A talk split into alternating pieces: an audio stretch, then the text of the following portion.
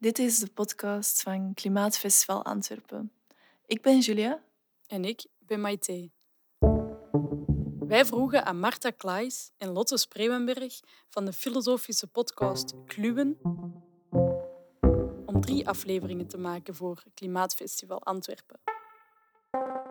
In deze aflevering spreken ze met Chihiro Geuzenbroek over ecoracisme.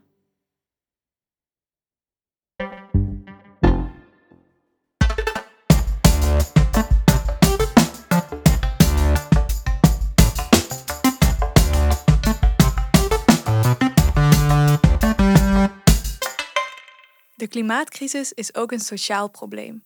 Klimaatactivisten wijzen erop dat de gevolgen van deze crisis sommige groepen harder treffen.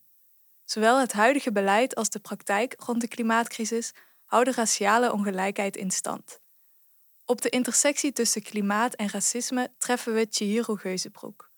Chihiro is een filmmaker en activiste uit Amsterdam en ze zet internationaal klimaatrechtvaardigheid op de agenda en is medeoprichter van de decoloniale stichting Arales, die zich richt op interorganisationele samenwerking van inheemse collectieven. Filosoof Harriet Bergman schuift aan als tafelgast. Zij is verbonden aan Universiteit Antwerpen, waar ze een proefschrift schrijft over klimaatverandering en ongemak. Chihiro, sommige mensen denken misschien uh, klimaatverandering, wat heeft dat nou met racisme te maken? Als uh, de temperatuur stijgt en het water stijgt, water discrimineert niet, zou je zeggen. Hoe zit dat precies? Ja, het is inderdaad een vraag die ik wel vaker krijg. Klimaatracisme, hoe kan het klimaat nou racistisch zijn? Het klimaat is niet racistisch. Het gaat erom hoe klimaatcrisis tot stand is gekomen en hoe de politiek nu omgaat met de klimaatcrisis. En in beide gevallen kom je racisme tegen. En uh, mijn werk gaat erover om uit te leggen hoe de klimaatcrisis een koloniale crisis is. En als we kijken naar de grote bedrijven die disproportionele aandeel hebben in de vervuiling en de atmosferische verstoringen van het klimaat, dan kijken we naar een koloniale geschiedenis.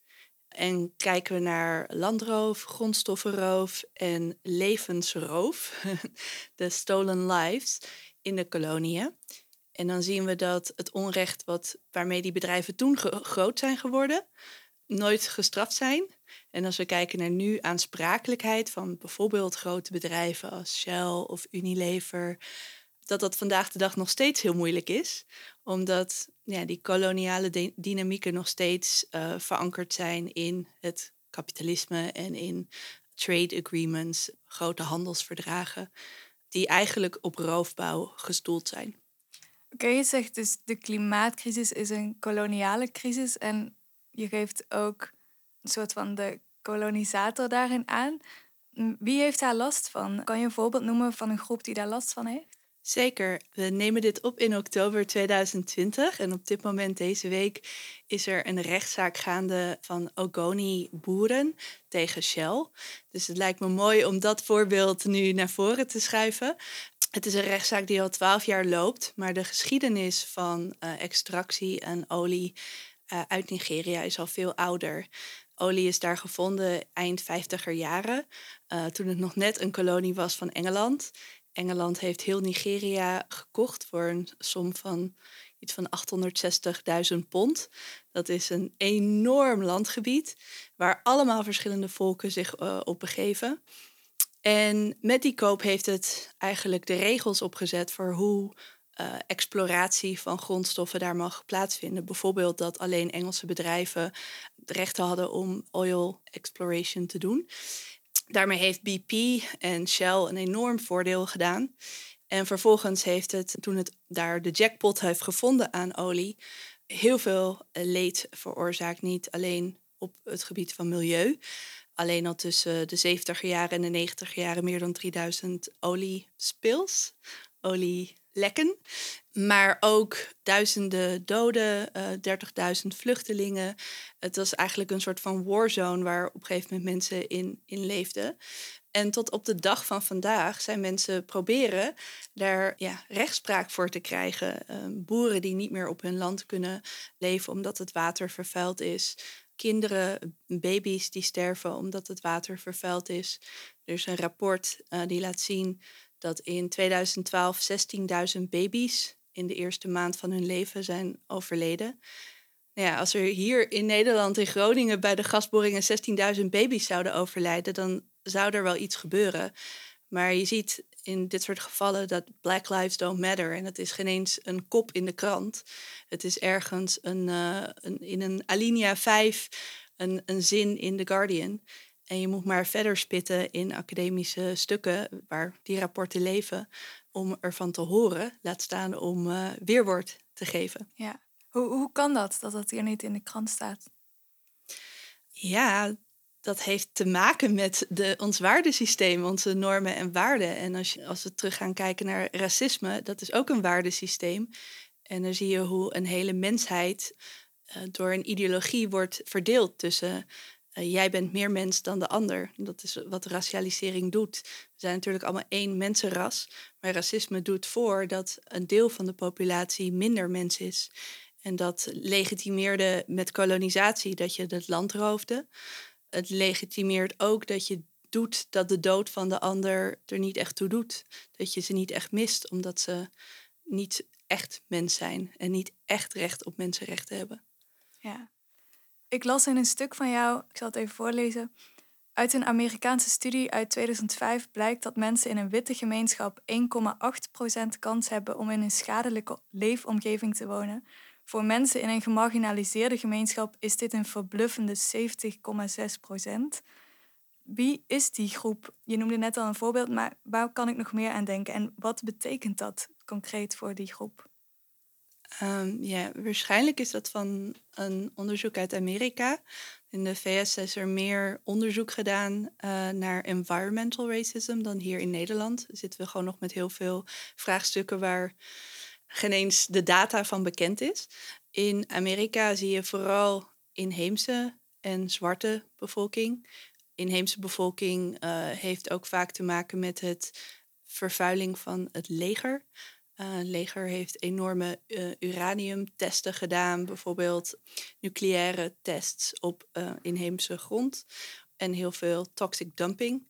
Terwijl je bij zwarte bevolking juist in steden in bepaalde wijken buiten de stad, de suburbs, ziet dat het vaak uh, dichtbij een verwerking is van een afvalbedrijf of bepaalde raffinaderijen, uh, waar daar lucht- of watervervuiling plaatsvindt. Dus het hangt er een beetje vanaf. Er zijn meerdere oorzaken. Maar je ziet dat het sowieso ja, op, een, op een kruispunt zit met wie recht heeft op mooi leven en mooie huizen en, en goed gesitueerde uh, natuur en schone bronnen om uh, uit te putten. Ja, we hebben het dan over bronnen en het winnen van grondstoffen en het testen. Ik kan me ook nog voorstellen dat er ook de gevolgen van klimaatcrisis ook oneerlijk verdeeld zijn. Uh, kan je daar iets over zeggen? Zeker, ja, zeker.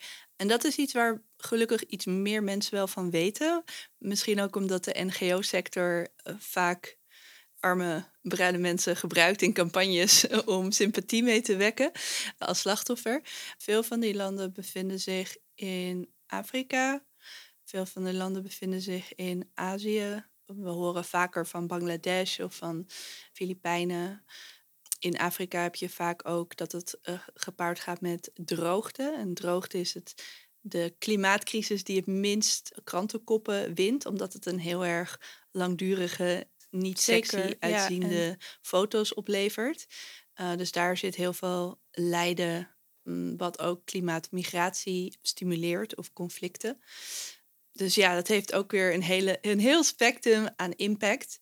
En daardoor is het ook juist zo belangrijk dat we het niet hebben over we hebben tien jaar om de wereld te redden. Want voor heel veel mensen is er al eeuwenlang verlies en is die tijd er helemaal niet. En gaat het om nu en gisteren en vorig jaar, waarin 29 miljoen mensen emergency uh, hulp nodig hadden voor klimaatrampen. Ja, ik zag laatst de film Wind River. Ik weet niet of je die hebt gezien. Dat gaat over. Um, het is fictie, maar het is wel gebaseerd op uh, waar gebeurde verhalen. En het gaat over, volgens mij, olieraffinaderijen in West-Canada. En het seksuele geweld dat daar ook Mm. bij komt kijken. Eh, kan je daar iets over zeggen? Ja, zeker. Ja, dat in de campagnevoering hebben we het dan over mancamps, mannenkampen. En dat gebeurt vaak bij zowel pijpleiding aanleggen of eh, mijnbouw, zoals de tarzans, de, de teerzanden in British Columbia. En wat je dan ziet is dat ja, in één keer 900 mannen ver van hun huis worden overgebracht. Die zitten allemaal in kleine kabinetjes of kleine ja, soort van bunkers. Of, eh, en die wonen daar op het land. En in de buurt heb je de inheemse bevolking, die sowieso al heel veel te maken krijgt met racisme. Hun land wordt daar sowieso al geplunderd. En eh, vaak gaat die extractieve industrie hand in hand met een enorme toename aan zowel prostitutie als verkrachting. Dus voorbeelden van verschillende dorpen zijn dat de, de ratio man op vrouw opeens verandert van ongeveer gelijk naar twintig keer zoveel mannen als vrouwen. En dat eh, vrouwen überhaupt niet meer alleen over straat durven of niet meer durven te vissen, wat eigenlijk hun traditionele manier van leven ook is. Ehm, dus ook aan preventie in het verhoeden van verkrachting en seksueel misbruik zie je dat het leven van vrouwen enorm wordt ingeperkt wanneer zo'n mannenkamp van meestal hoofdzakelijk witte working class mannen ver van huis. eh, en die nooit in aanraking zijn geweest met een inheemse cultuur, kan ik me voorstellen. Eh, vaak ook, ja. Ja. En natuurlijk ook met hun frustraties komen en hun eenzaamheid. En een bepaalde cultuur van toe-eigening. Want je bent daar al de hele dag door grondstof aan het toe-eigenen op een manier die heel vervreemd is van ecologische realiteiten en besef van eer en, en dienstbaarheid aan je gemeenschap. Eh, dus het gaat al gepaard met een bepaalde ja, cultuur van een soort van macho-extractivisme. En eh, niet om alle mannen daar over één kam te scheren, want de, er, zitten ook, er zit daar ook veel lijden. Maar de gevolgen die het heeft voor de inheemse gemeenschappen zijn eh, desastreus. Wat moet er veranderen om klimaatracisme tegen te gaan? In beleid of in praktijk? Uh, goeie vraag. uh, heel veel. Je hoeft niet het hele antwoord te hebben. um, ik, ik, ja, ik denk dat er een paar niveaus te benoemen zijn. In ieder geval het niveau op, op civil society. Dus wat moet er veranderen in onze eigen milieubeweging? Wat moet er veranderen op het politieke niveau als we kijken op de VN-niveau? En nog hoger, wat moet er veranderen aan ja, gewoon eigenlijk het ontwarren van onze militaire wezens, krijgsmacht, natiestaten. Dus om te beginnen met civil society en onze eigen uh, milieubeweging, denk ik dat op dit moment nog veel te vaak inheemse mensen of mensen van kleur aan boord worden gevraagd voor tokenism of diversiteit voor de foto. en niet zozeer diversiteit in leiderschap. En zien dat er echt hele andere visies zijn op dat ja, dus de klimaatcrisis een koloniale crisis is. En misschien niet alleen op de klimaatcrisis, maar ook andere visies op milieu of klimaat op zichzelf. Zeker, zeker. En op mens zijn en op gemeenschap en op, uh, op politiek. Als we kijken naar politiek niveau, we weten dat de afgelopen 60 jaar, sinds de jaren 70, 60 procent van de biodiversiteit verloren is gegaan. En dat van de resterende biodiversiteit 80 procent op inheems land uh, begeeft. Dus zelfs als je van de feitjes en de data bent, is het heel evident dat inheems leiderschap ook op politiek niveau onze beste kans is om snel ecologisch te herstellen. Maar wat je ziet op VN-niveau is dat inheemse alleen even vijf minuten mogen inspreken hier en daar, maar niet aan de beleidstafel zitten om daadwerkelijk het beleid door te voeren. En naast dat, dat er hele directe dingen zijn waar inheemse tegen zijn, zoals RED Plus, een, natuurconservatieplan eigenlijk die inheemse mensen van hun land verjaagt. En dan doet alsof natuur is gered en ergens anders doorvervuild mag worden. Maar ook uh, inheemse mensen hebben zelf met enorme tegentops of alternatieve tops beleid op tafel gelegd. Waar onder andere het ontmantelen van kapitalisme in benoemd staat en uitgewerkt. Maar ook de manier waarop een rivier of een berg rechten zou moeten hebben. Dus eigenlijk onze hele conceptie, daar wordt het een beetje filosofisch ook, van wat leeft en wat heeft eh, bestaansrecht. Want op dit moment als een rivier vervuild wordt, kan je eigenlijk alleen maar een, een zaak aanspannen als dat effect heeft op mensen. En vanuit de mensen als plaintiff, als, als aanklager. Terwijl in Nieuw-Zeeland heeft bijvoorbeeld de rivier ook rechten toe, uh, toegekend gekregen vanuit de Maori-conceptie van levensrecht van allen. En daarmee open je ook een heel spectrum van waarmee het kapitalistische bedrijfsleven ja, niet de toe-eigening kan uitvoeren die het zo gewoon is geworden. En daarmee kan je echt beginnen aan het herstellen van landschappen als je die hele normen en waarden op zijn kop zet. Is klimaatracisme binnen Nederland ook een probleem? Zeker, ja. En het begint nu pas in de klimaatbeweging een beetje door te dringen dat ze er ook wat mee moeten. Kijk even naar Harriet ook, want die, uh, die, die kent de Nederlandse klimaatbeweging ook heel goed. Uh, de afgelopen twee jaar heb ik me vooral gericht om het überhaupt op de agenda te krijgen bij NGO's en andere klimaatgroepen. En dat begint nu een beetje, ja, begint een beetje zijn vruchten af te werpen. Dat mensen weten dat ze er iets mee moeten. Maar kan je uitleggen hoe het in Nederland een uh, probleem is? Hoe het zich uitrolt? Ja, nou ja, een symptoom van het probleem is als je kijkt naar de duurzame top 100. Daar uh, kan je, is een podcast eigenlijk tekortschietend in, want je hebt een plaatje nodig van 89 witte gezichten uh, of 98 witte gezichten en misschien één of twee uh, mensen van kleur op die lijst. En aan die lijst valt op dat het niet alleen hoofdzakelijk witte mannen zijn en witte vrouwen, maar ook dat het heel erg entrepreneurial, uh, bedrijfskundige uh, witte mensen zijn en niet de activisten. En daarin zie je dat een uitwissingsproject wordt uitgevoerd. Want natuurlijk zijn er wel activisten van kleur. Ze zijn er wel, maar ze worden niet gevalideerd. Ze worden niet op waarde geschat omdat daar een hele andere agenda bij komt kijken, ook van politiek. Dus de duurzame top 100 is een symptoom. Het is niet het daadwerkelijke probleem. Maar ook in bijvoorbeeld krijgsmacht van Nederland. Als de krijgsmacht van Nederland meedoet in een conflict in Mali, uh, waar Frankrijk oorlog heeft loopt te voeren, dan zie je dat onder dat conflict een grondstoffenprobleem zit of een belang van Frankrijk om uranium zowel in Mali als in het buurland Niger toe te eigenen. Dus ja, dat, dat is dan een groter iets waar duizenden levens van mensen in Mali mee worden opgezadeld. Aan een militaire interventie die zich voordoet als humanitair, maar daarachter gewoon ook weer grondstoffenroof uh, zit.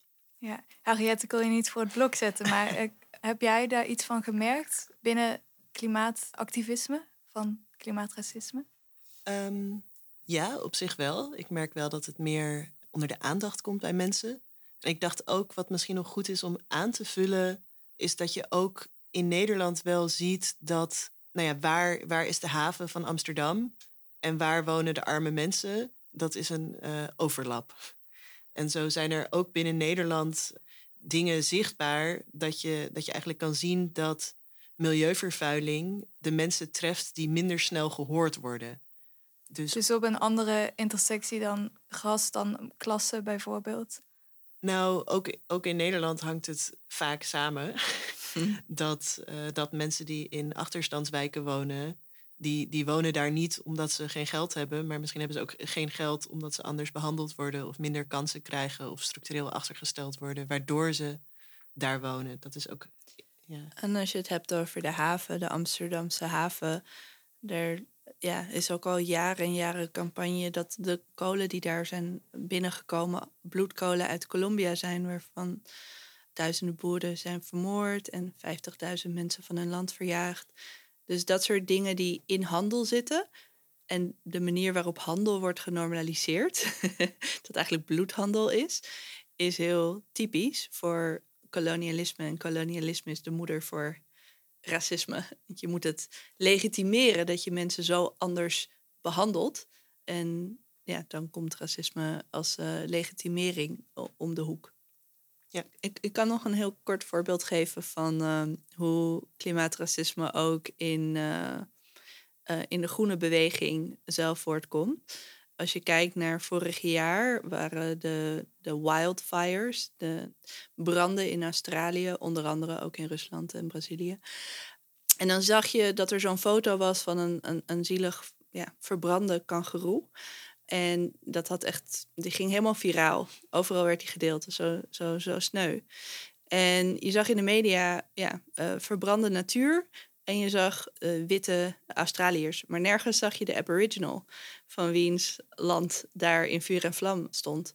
En je hebt zo'n meme van Instagram die daar ook weerwoord op geeft. Van uh, de media doet af alsof uh, er in Australië alleen maar uh, en witte mensen wonen. En niemand heeft het over mij. En die uitwissing van media ook op, op de groene kanalen is heel systemisch. En je ziet het ook terug in hoe de meer radicale directe actiegroepen soms omgaan met politiegeweld. En uh, nou ja, het, het een soort van stoer doen over gearresteerd worden. Met name bij Extinction Rebellion zag je het afgelopen jaar. Als je bedenkt hoe uh, traumatisch politie in het algemeen al is. En dat veel mensen van kleur überhaupt niet de politie bellen als ze verkracht zijn of op andere manier eigenlijk recht op hulp hebben. Dan is uh, het frivol doen en het leuk doen bij klimaatactie, of überhaupt de druk om een klimaatactie altijd leuk en gezellig en een feestje te maken, heel vreemd en heel jammer dat er dan weinig ruimte is voor rouw en uh, woede. En dat uh, boos zijn niet altijd welkom is. Ja, over die gevoelens van ongemak gaan we het hebben met Harriet in een andere aflevering. Uh, we hadden net al even over ras en klasse en andere intersecties en dat je die niet los van elkaar kan zien. Zijn er nog andere assen die daar een rol bij spelen, bijvoorbeeld gender? Hoe heeft klimaatverandering met gender te maken? Kunnen jullie daar iets over zeggen? Ah, nee, je hebt de, de prachtige leus van uh, climate change is a man-made problem with feminist solutions. en ja, dit is de studie van Zuidoost-Azië dat vrouwen 14 keer zo dat 14 keer zo waarschijnlijk is dat een vrouw omkomt bij een klimaatramp dan een man. Het heeft ook te maken met lokale maatschappelijke situaties, heb ik me doen laten vertellen. Bijvoorbeeld in Bangladesh dat meer waarschijnlijk is dat een vrouw alleen achterblijft op het platteland als de man nog naar de stad gaat voor bepaald werk. En dat het niet normaal is voor een vrouw om alleen dan eigenlijk het huis en haar te verlaten op een moment van crisis. Of de kleding die uh, een, een rol kan spelen als er een overstroming is. Er zijn heel veel factoren. Ik ben niet genoeg diep in de materie dat ik ze zo allemaal kan oplepelen. Ik kijk ook even naar Harriet naast me. Ja, ik wil nog aanvullen dat de manieren waarop ja, de traditionele rol van mannen en vrouwen gezien wordt, heel erg impact heeft. Dus op jouw voorbeelden. Maar er zijn ook in, ik weet niet precies waar dat was, maar in Zuid-Amerika worden mannen soms bijvoorbeeld harder getroffen door klimaatrampen. Ja. Omdat ze vanuit een soort van machismo-idee ja, eigenlijk wat eh, in Bangladesh moet de vrouw blijkbaar bij het huis blijven. Daar uh, is het de rol van de man om het huis te verdedigen. Dus als er een, een natuurramp zich voltrekt, dan sterven mannen daar eerder. Dus dat eigenlijk de verwachtingen die mensen hebben van die bepaalde genderrollen een grote impact hebben. En heel lokaal bepaald zijn. Ja. Ja, er valt niet echt een, een een grote lijn. Wat wel een grote lijn heeft, is als je kijkt naar klimaattoppen en het aandeel van mannelijk. Nee, ik wil het geen leiderschap noemen, maar mannelijke bazen, zeg maar, of uh, mannelijke dominantie. Uh, daar zie je wel grotere lijnen. En ik ben wel eens bij zo'n klimaattop geweest waar dan een panel was over gender equity in, in klimaatleiderschap. En dat is een verdomde stille zaal dan opeens. Uh, het is echt heel, heel triest. Als de luisteraar nu denkt, dit is een probleem, ik wil hier iets aan doen, wat kunnen ze dan doen? Uh, hangt een beetje vanaf waar je bent. Uh, ik denk dat als... Onze luisteraars begeven zich meestal in Nederland en Vlaanderen. Ja, ja. uh, ik ben van, van, van mening dat je altijd het best kan zoeken hoe je niet ergens alleen mee blijft zitten met je vragen. Dus altijd verbinding zoekt met lokale groepen die ook al bezig zijn. Al is dat maar, al zijn er maar twee twee mensen. samen ben je een groep en samen kan je meer doen. Dus ik geloof heel erg in collectiviteit. Ik denk dat sowieso uh, op mijn website heb ik meerdere artikelen met boeken en resources. Uh, bronnen die je verder kunnen helpen. Om... Wat is die website? Uh, dat is chihiro.nl. Heel simpel. Heel duidelijk. Ja. dus dat is een, een, een, beginpunt. En verder, ja, zoiets als zo'n. Ik, ik ben dan op een gegeven moment begonnen in Nederland om bij de antiracisme demo elk jaar een blok te organiseren tegen klimaatracisme, waarin ik heel specifiek milieugroepen, NGO's, grassroots ging mailen, bellen, uh, lastigvallen uh, om daar ook te komen. En dat is uiteindelijk een goede springplank geweest voor diepere discussie, uh, bredere organisatie en verandering in onze groepsdynamieken. Nee, het is nog in ontwikkeling, maar ja, dus kijk ook gewoon waar het logisch is in jouw omgeving om een kleine interventie te doen waarbij je ja, meer, steeds meer mensen kan betrekken. Je maakt ook films. Hoe speelt dat een rol in je activisme? Uh, ja, op heel veel niveaus. Ik uh, heb een feature documentaire gemaakt, Radical Friends. Die is ook uh, gratis downloadbaar op de website radicalfriends.com. Het is een coming of activist age story.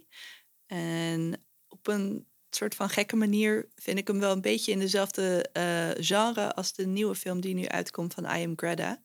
Omdat het niet zozeer gaat over grote politieke interventies of wereldnieuws, maar heel erg over hoe word je nou activist of hoe radicaliseer je in je activisme en hoe doe je dat samen dus in, in die zin is dat een, iets waar we soms in onze activistische spaces niet zoveel uh, tijd en aandacht hebben, omdat we het hebben over uh, we mobiliseren zoveel honderd mensen naar dit moment.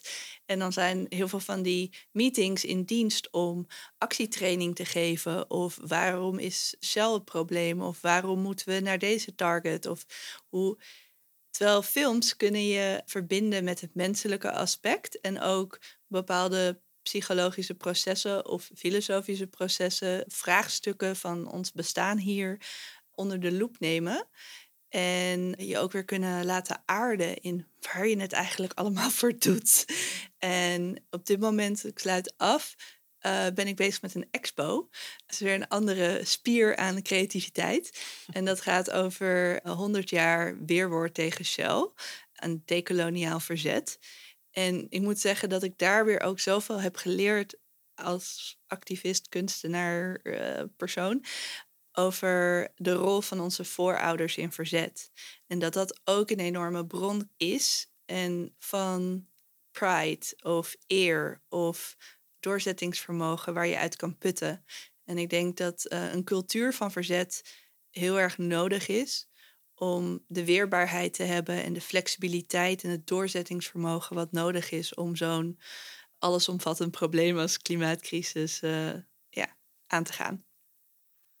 Als laatste hebben Chihiro en Harriet nog een aantal tips om te bekijken of te luisteren uh, voor de luisteraar. Chihiro? Uh, ja, een nieuwe film die ook eigenlijk environmental racism goed onder de loep neemt, is There's Something in the Water.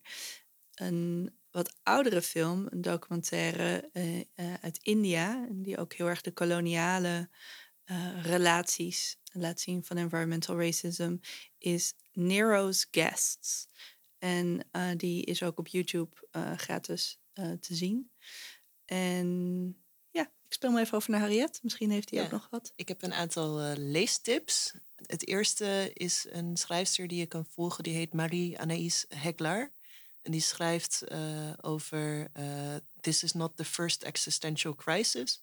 En dan verbindt ze heel erg andere vormen van verzet van andere bewegingen met uh, klimaatactivisme en wat ja, eigenlijk voornamelijk witte klimaatactivisten kunnen leren van de civil rights movement, van de antislavernij, van eigenlijk allemaal groepen die eerder zijn geweest, die ook existential threats hebben gefaced.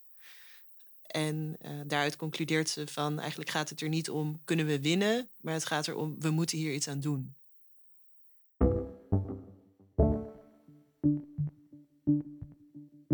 Dit was de podcast van Klimaatfestival Antwerpen, een project van Troebel.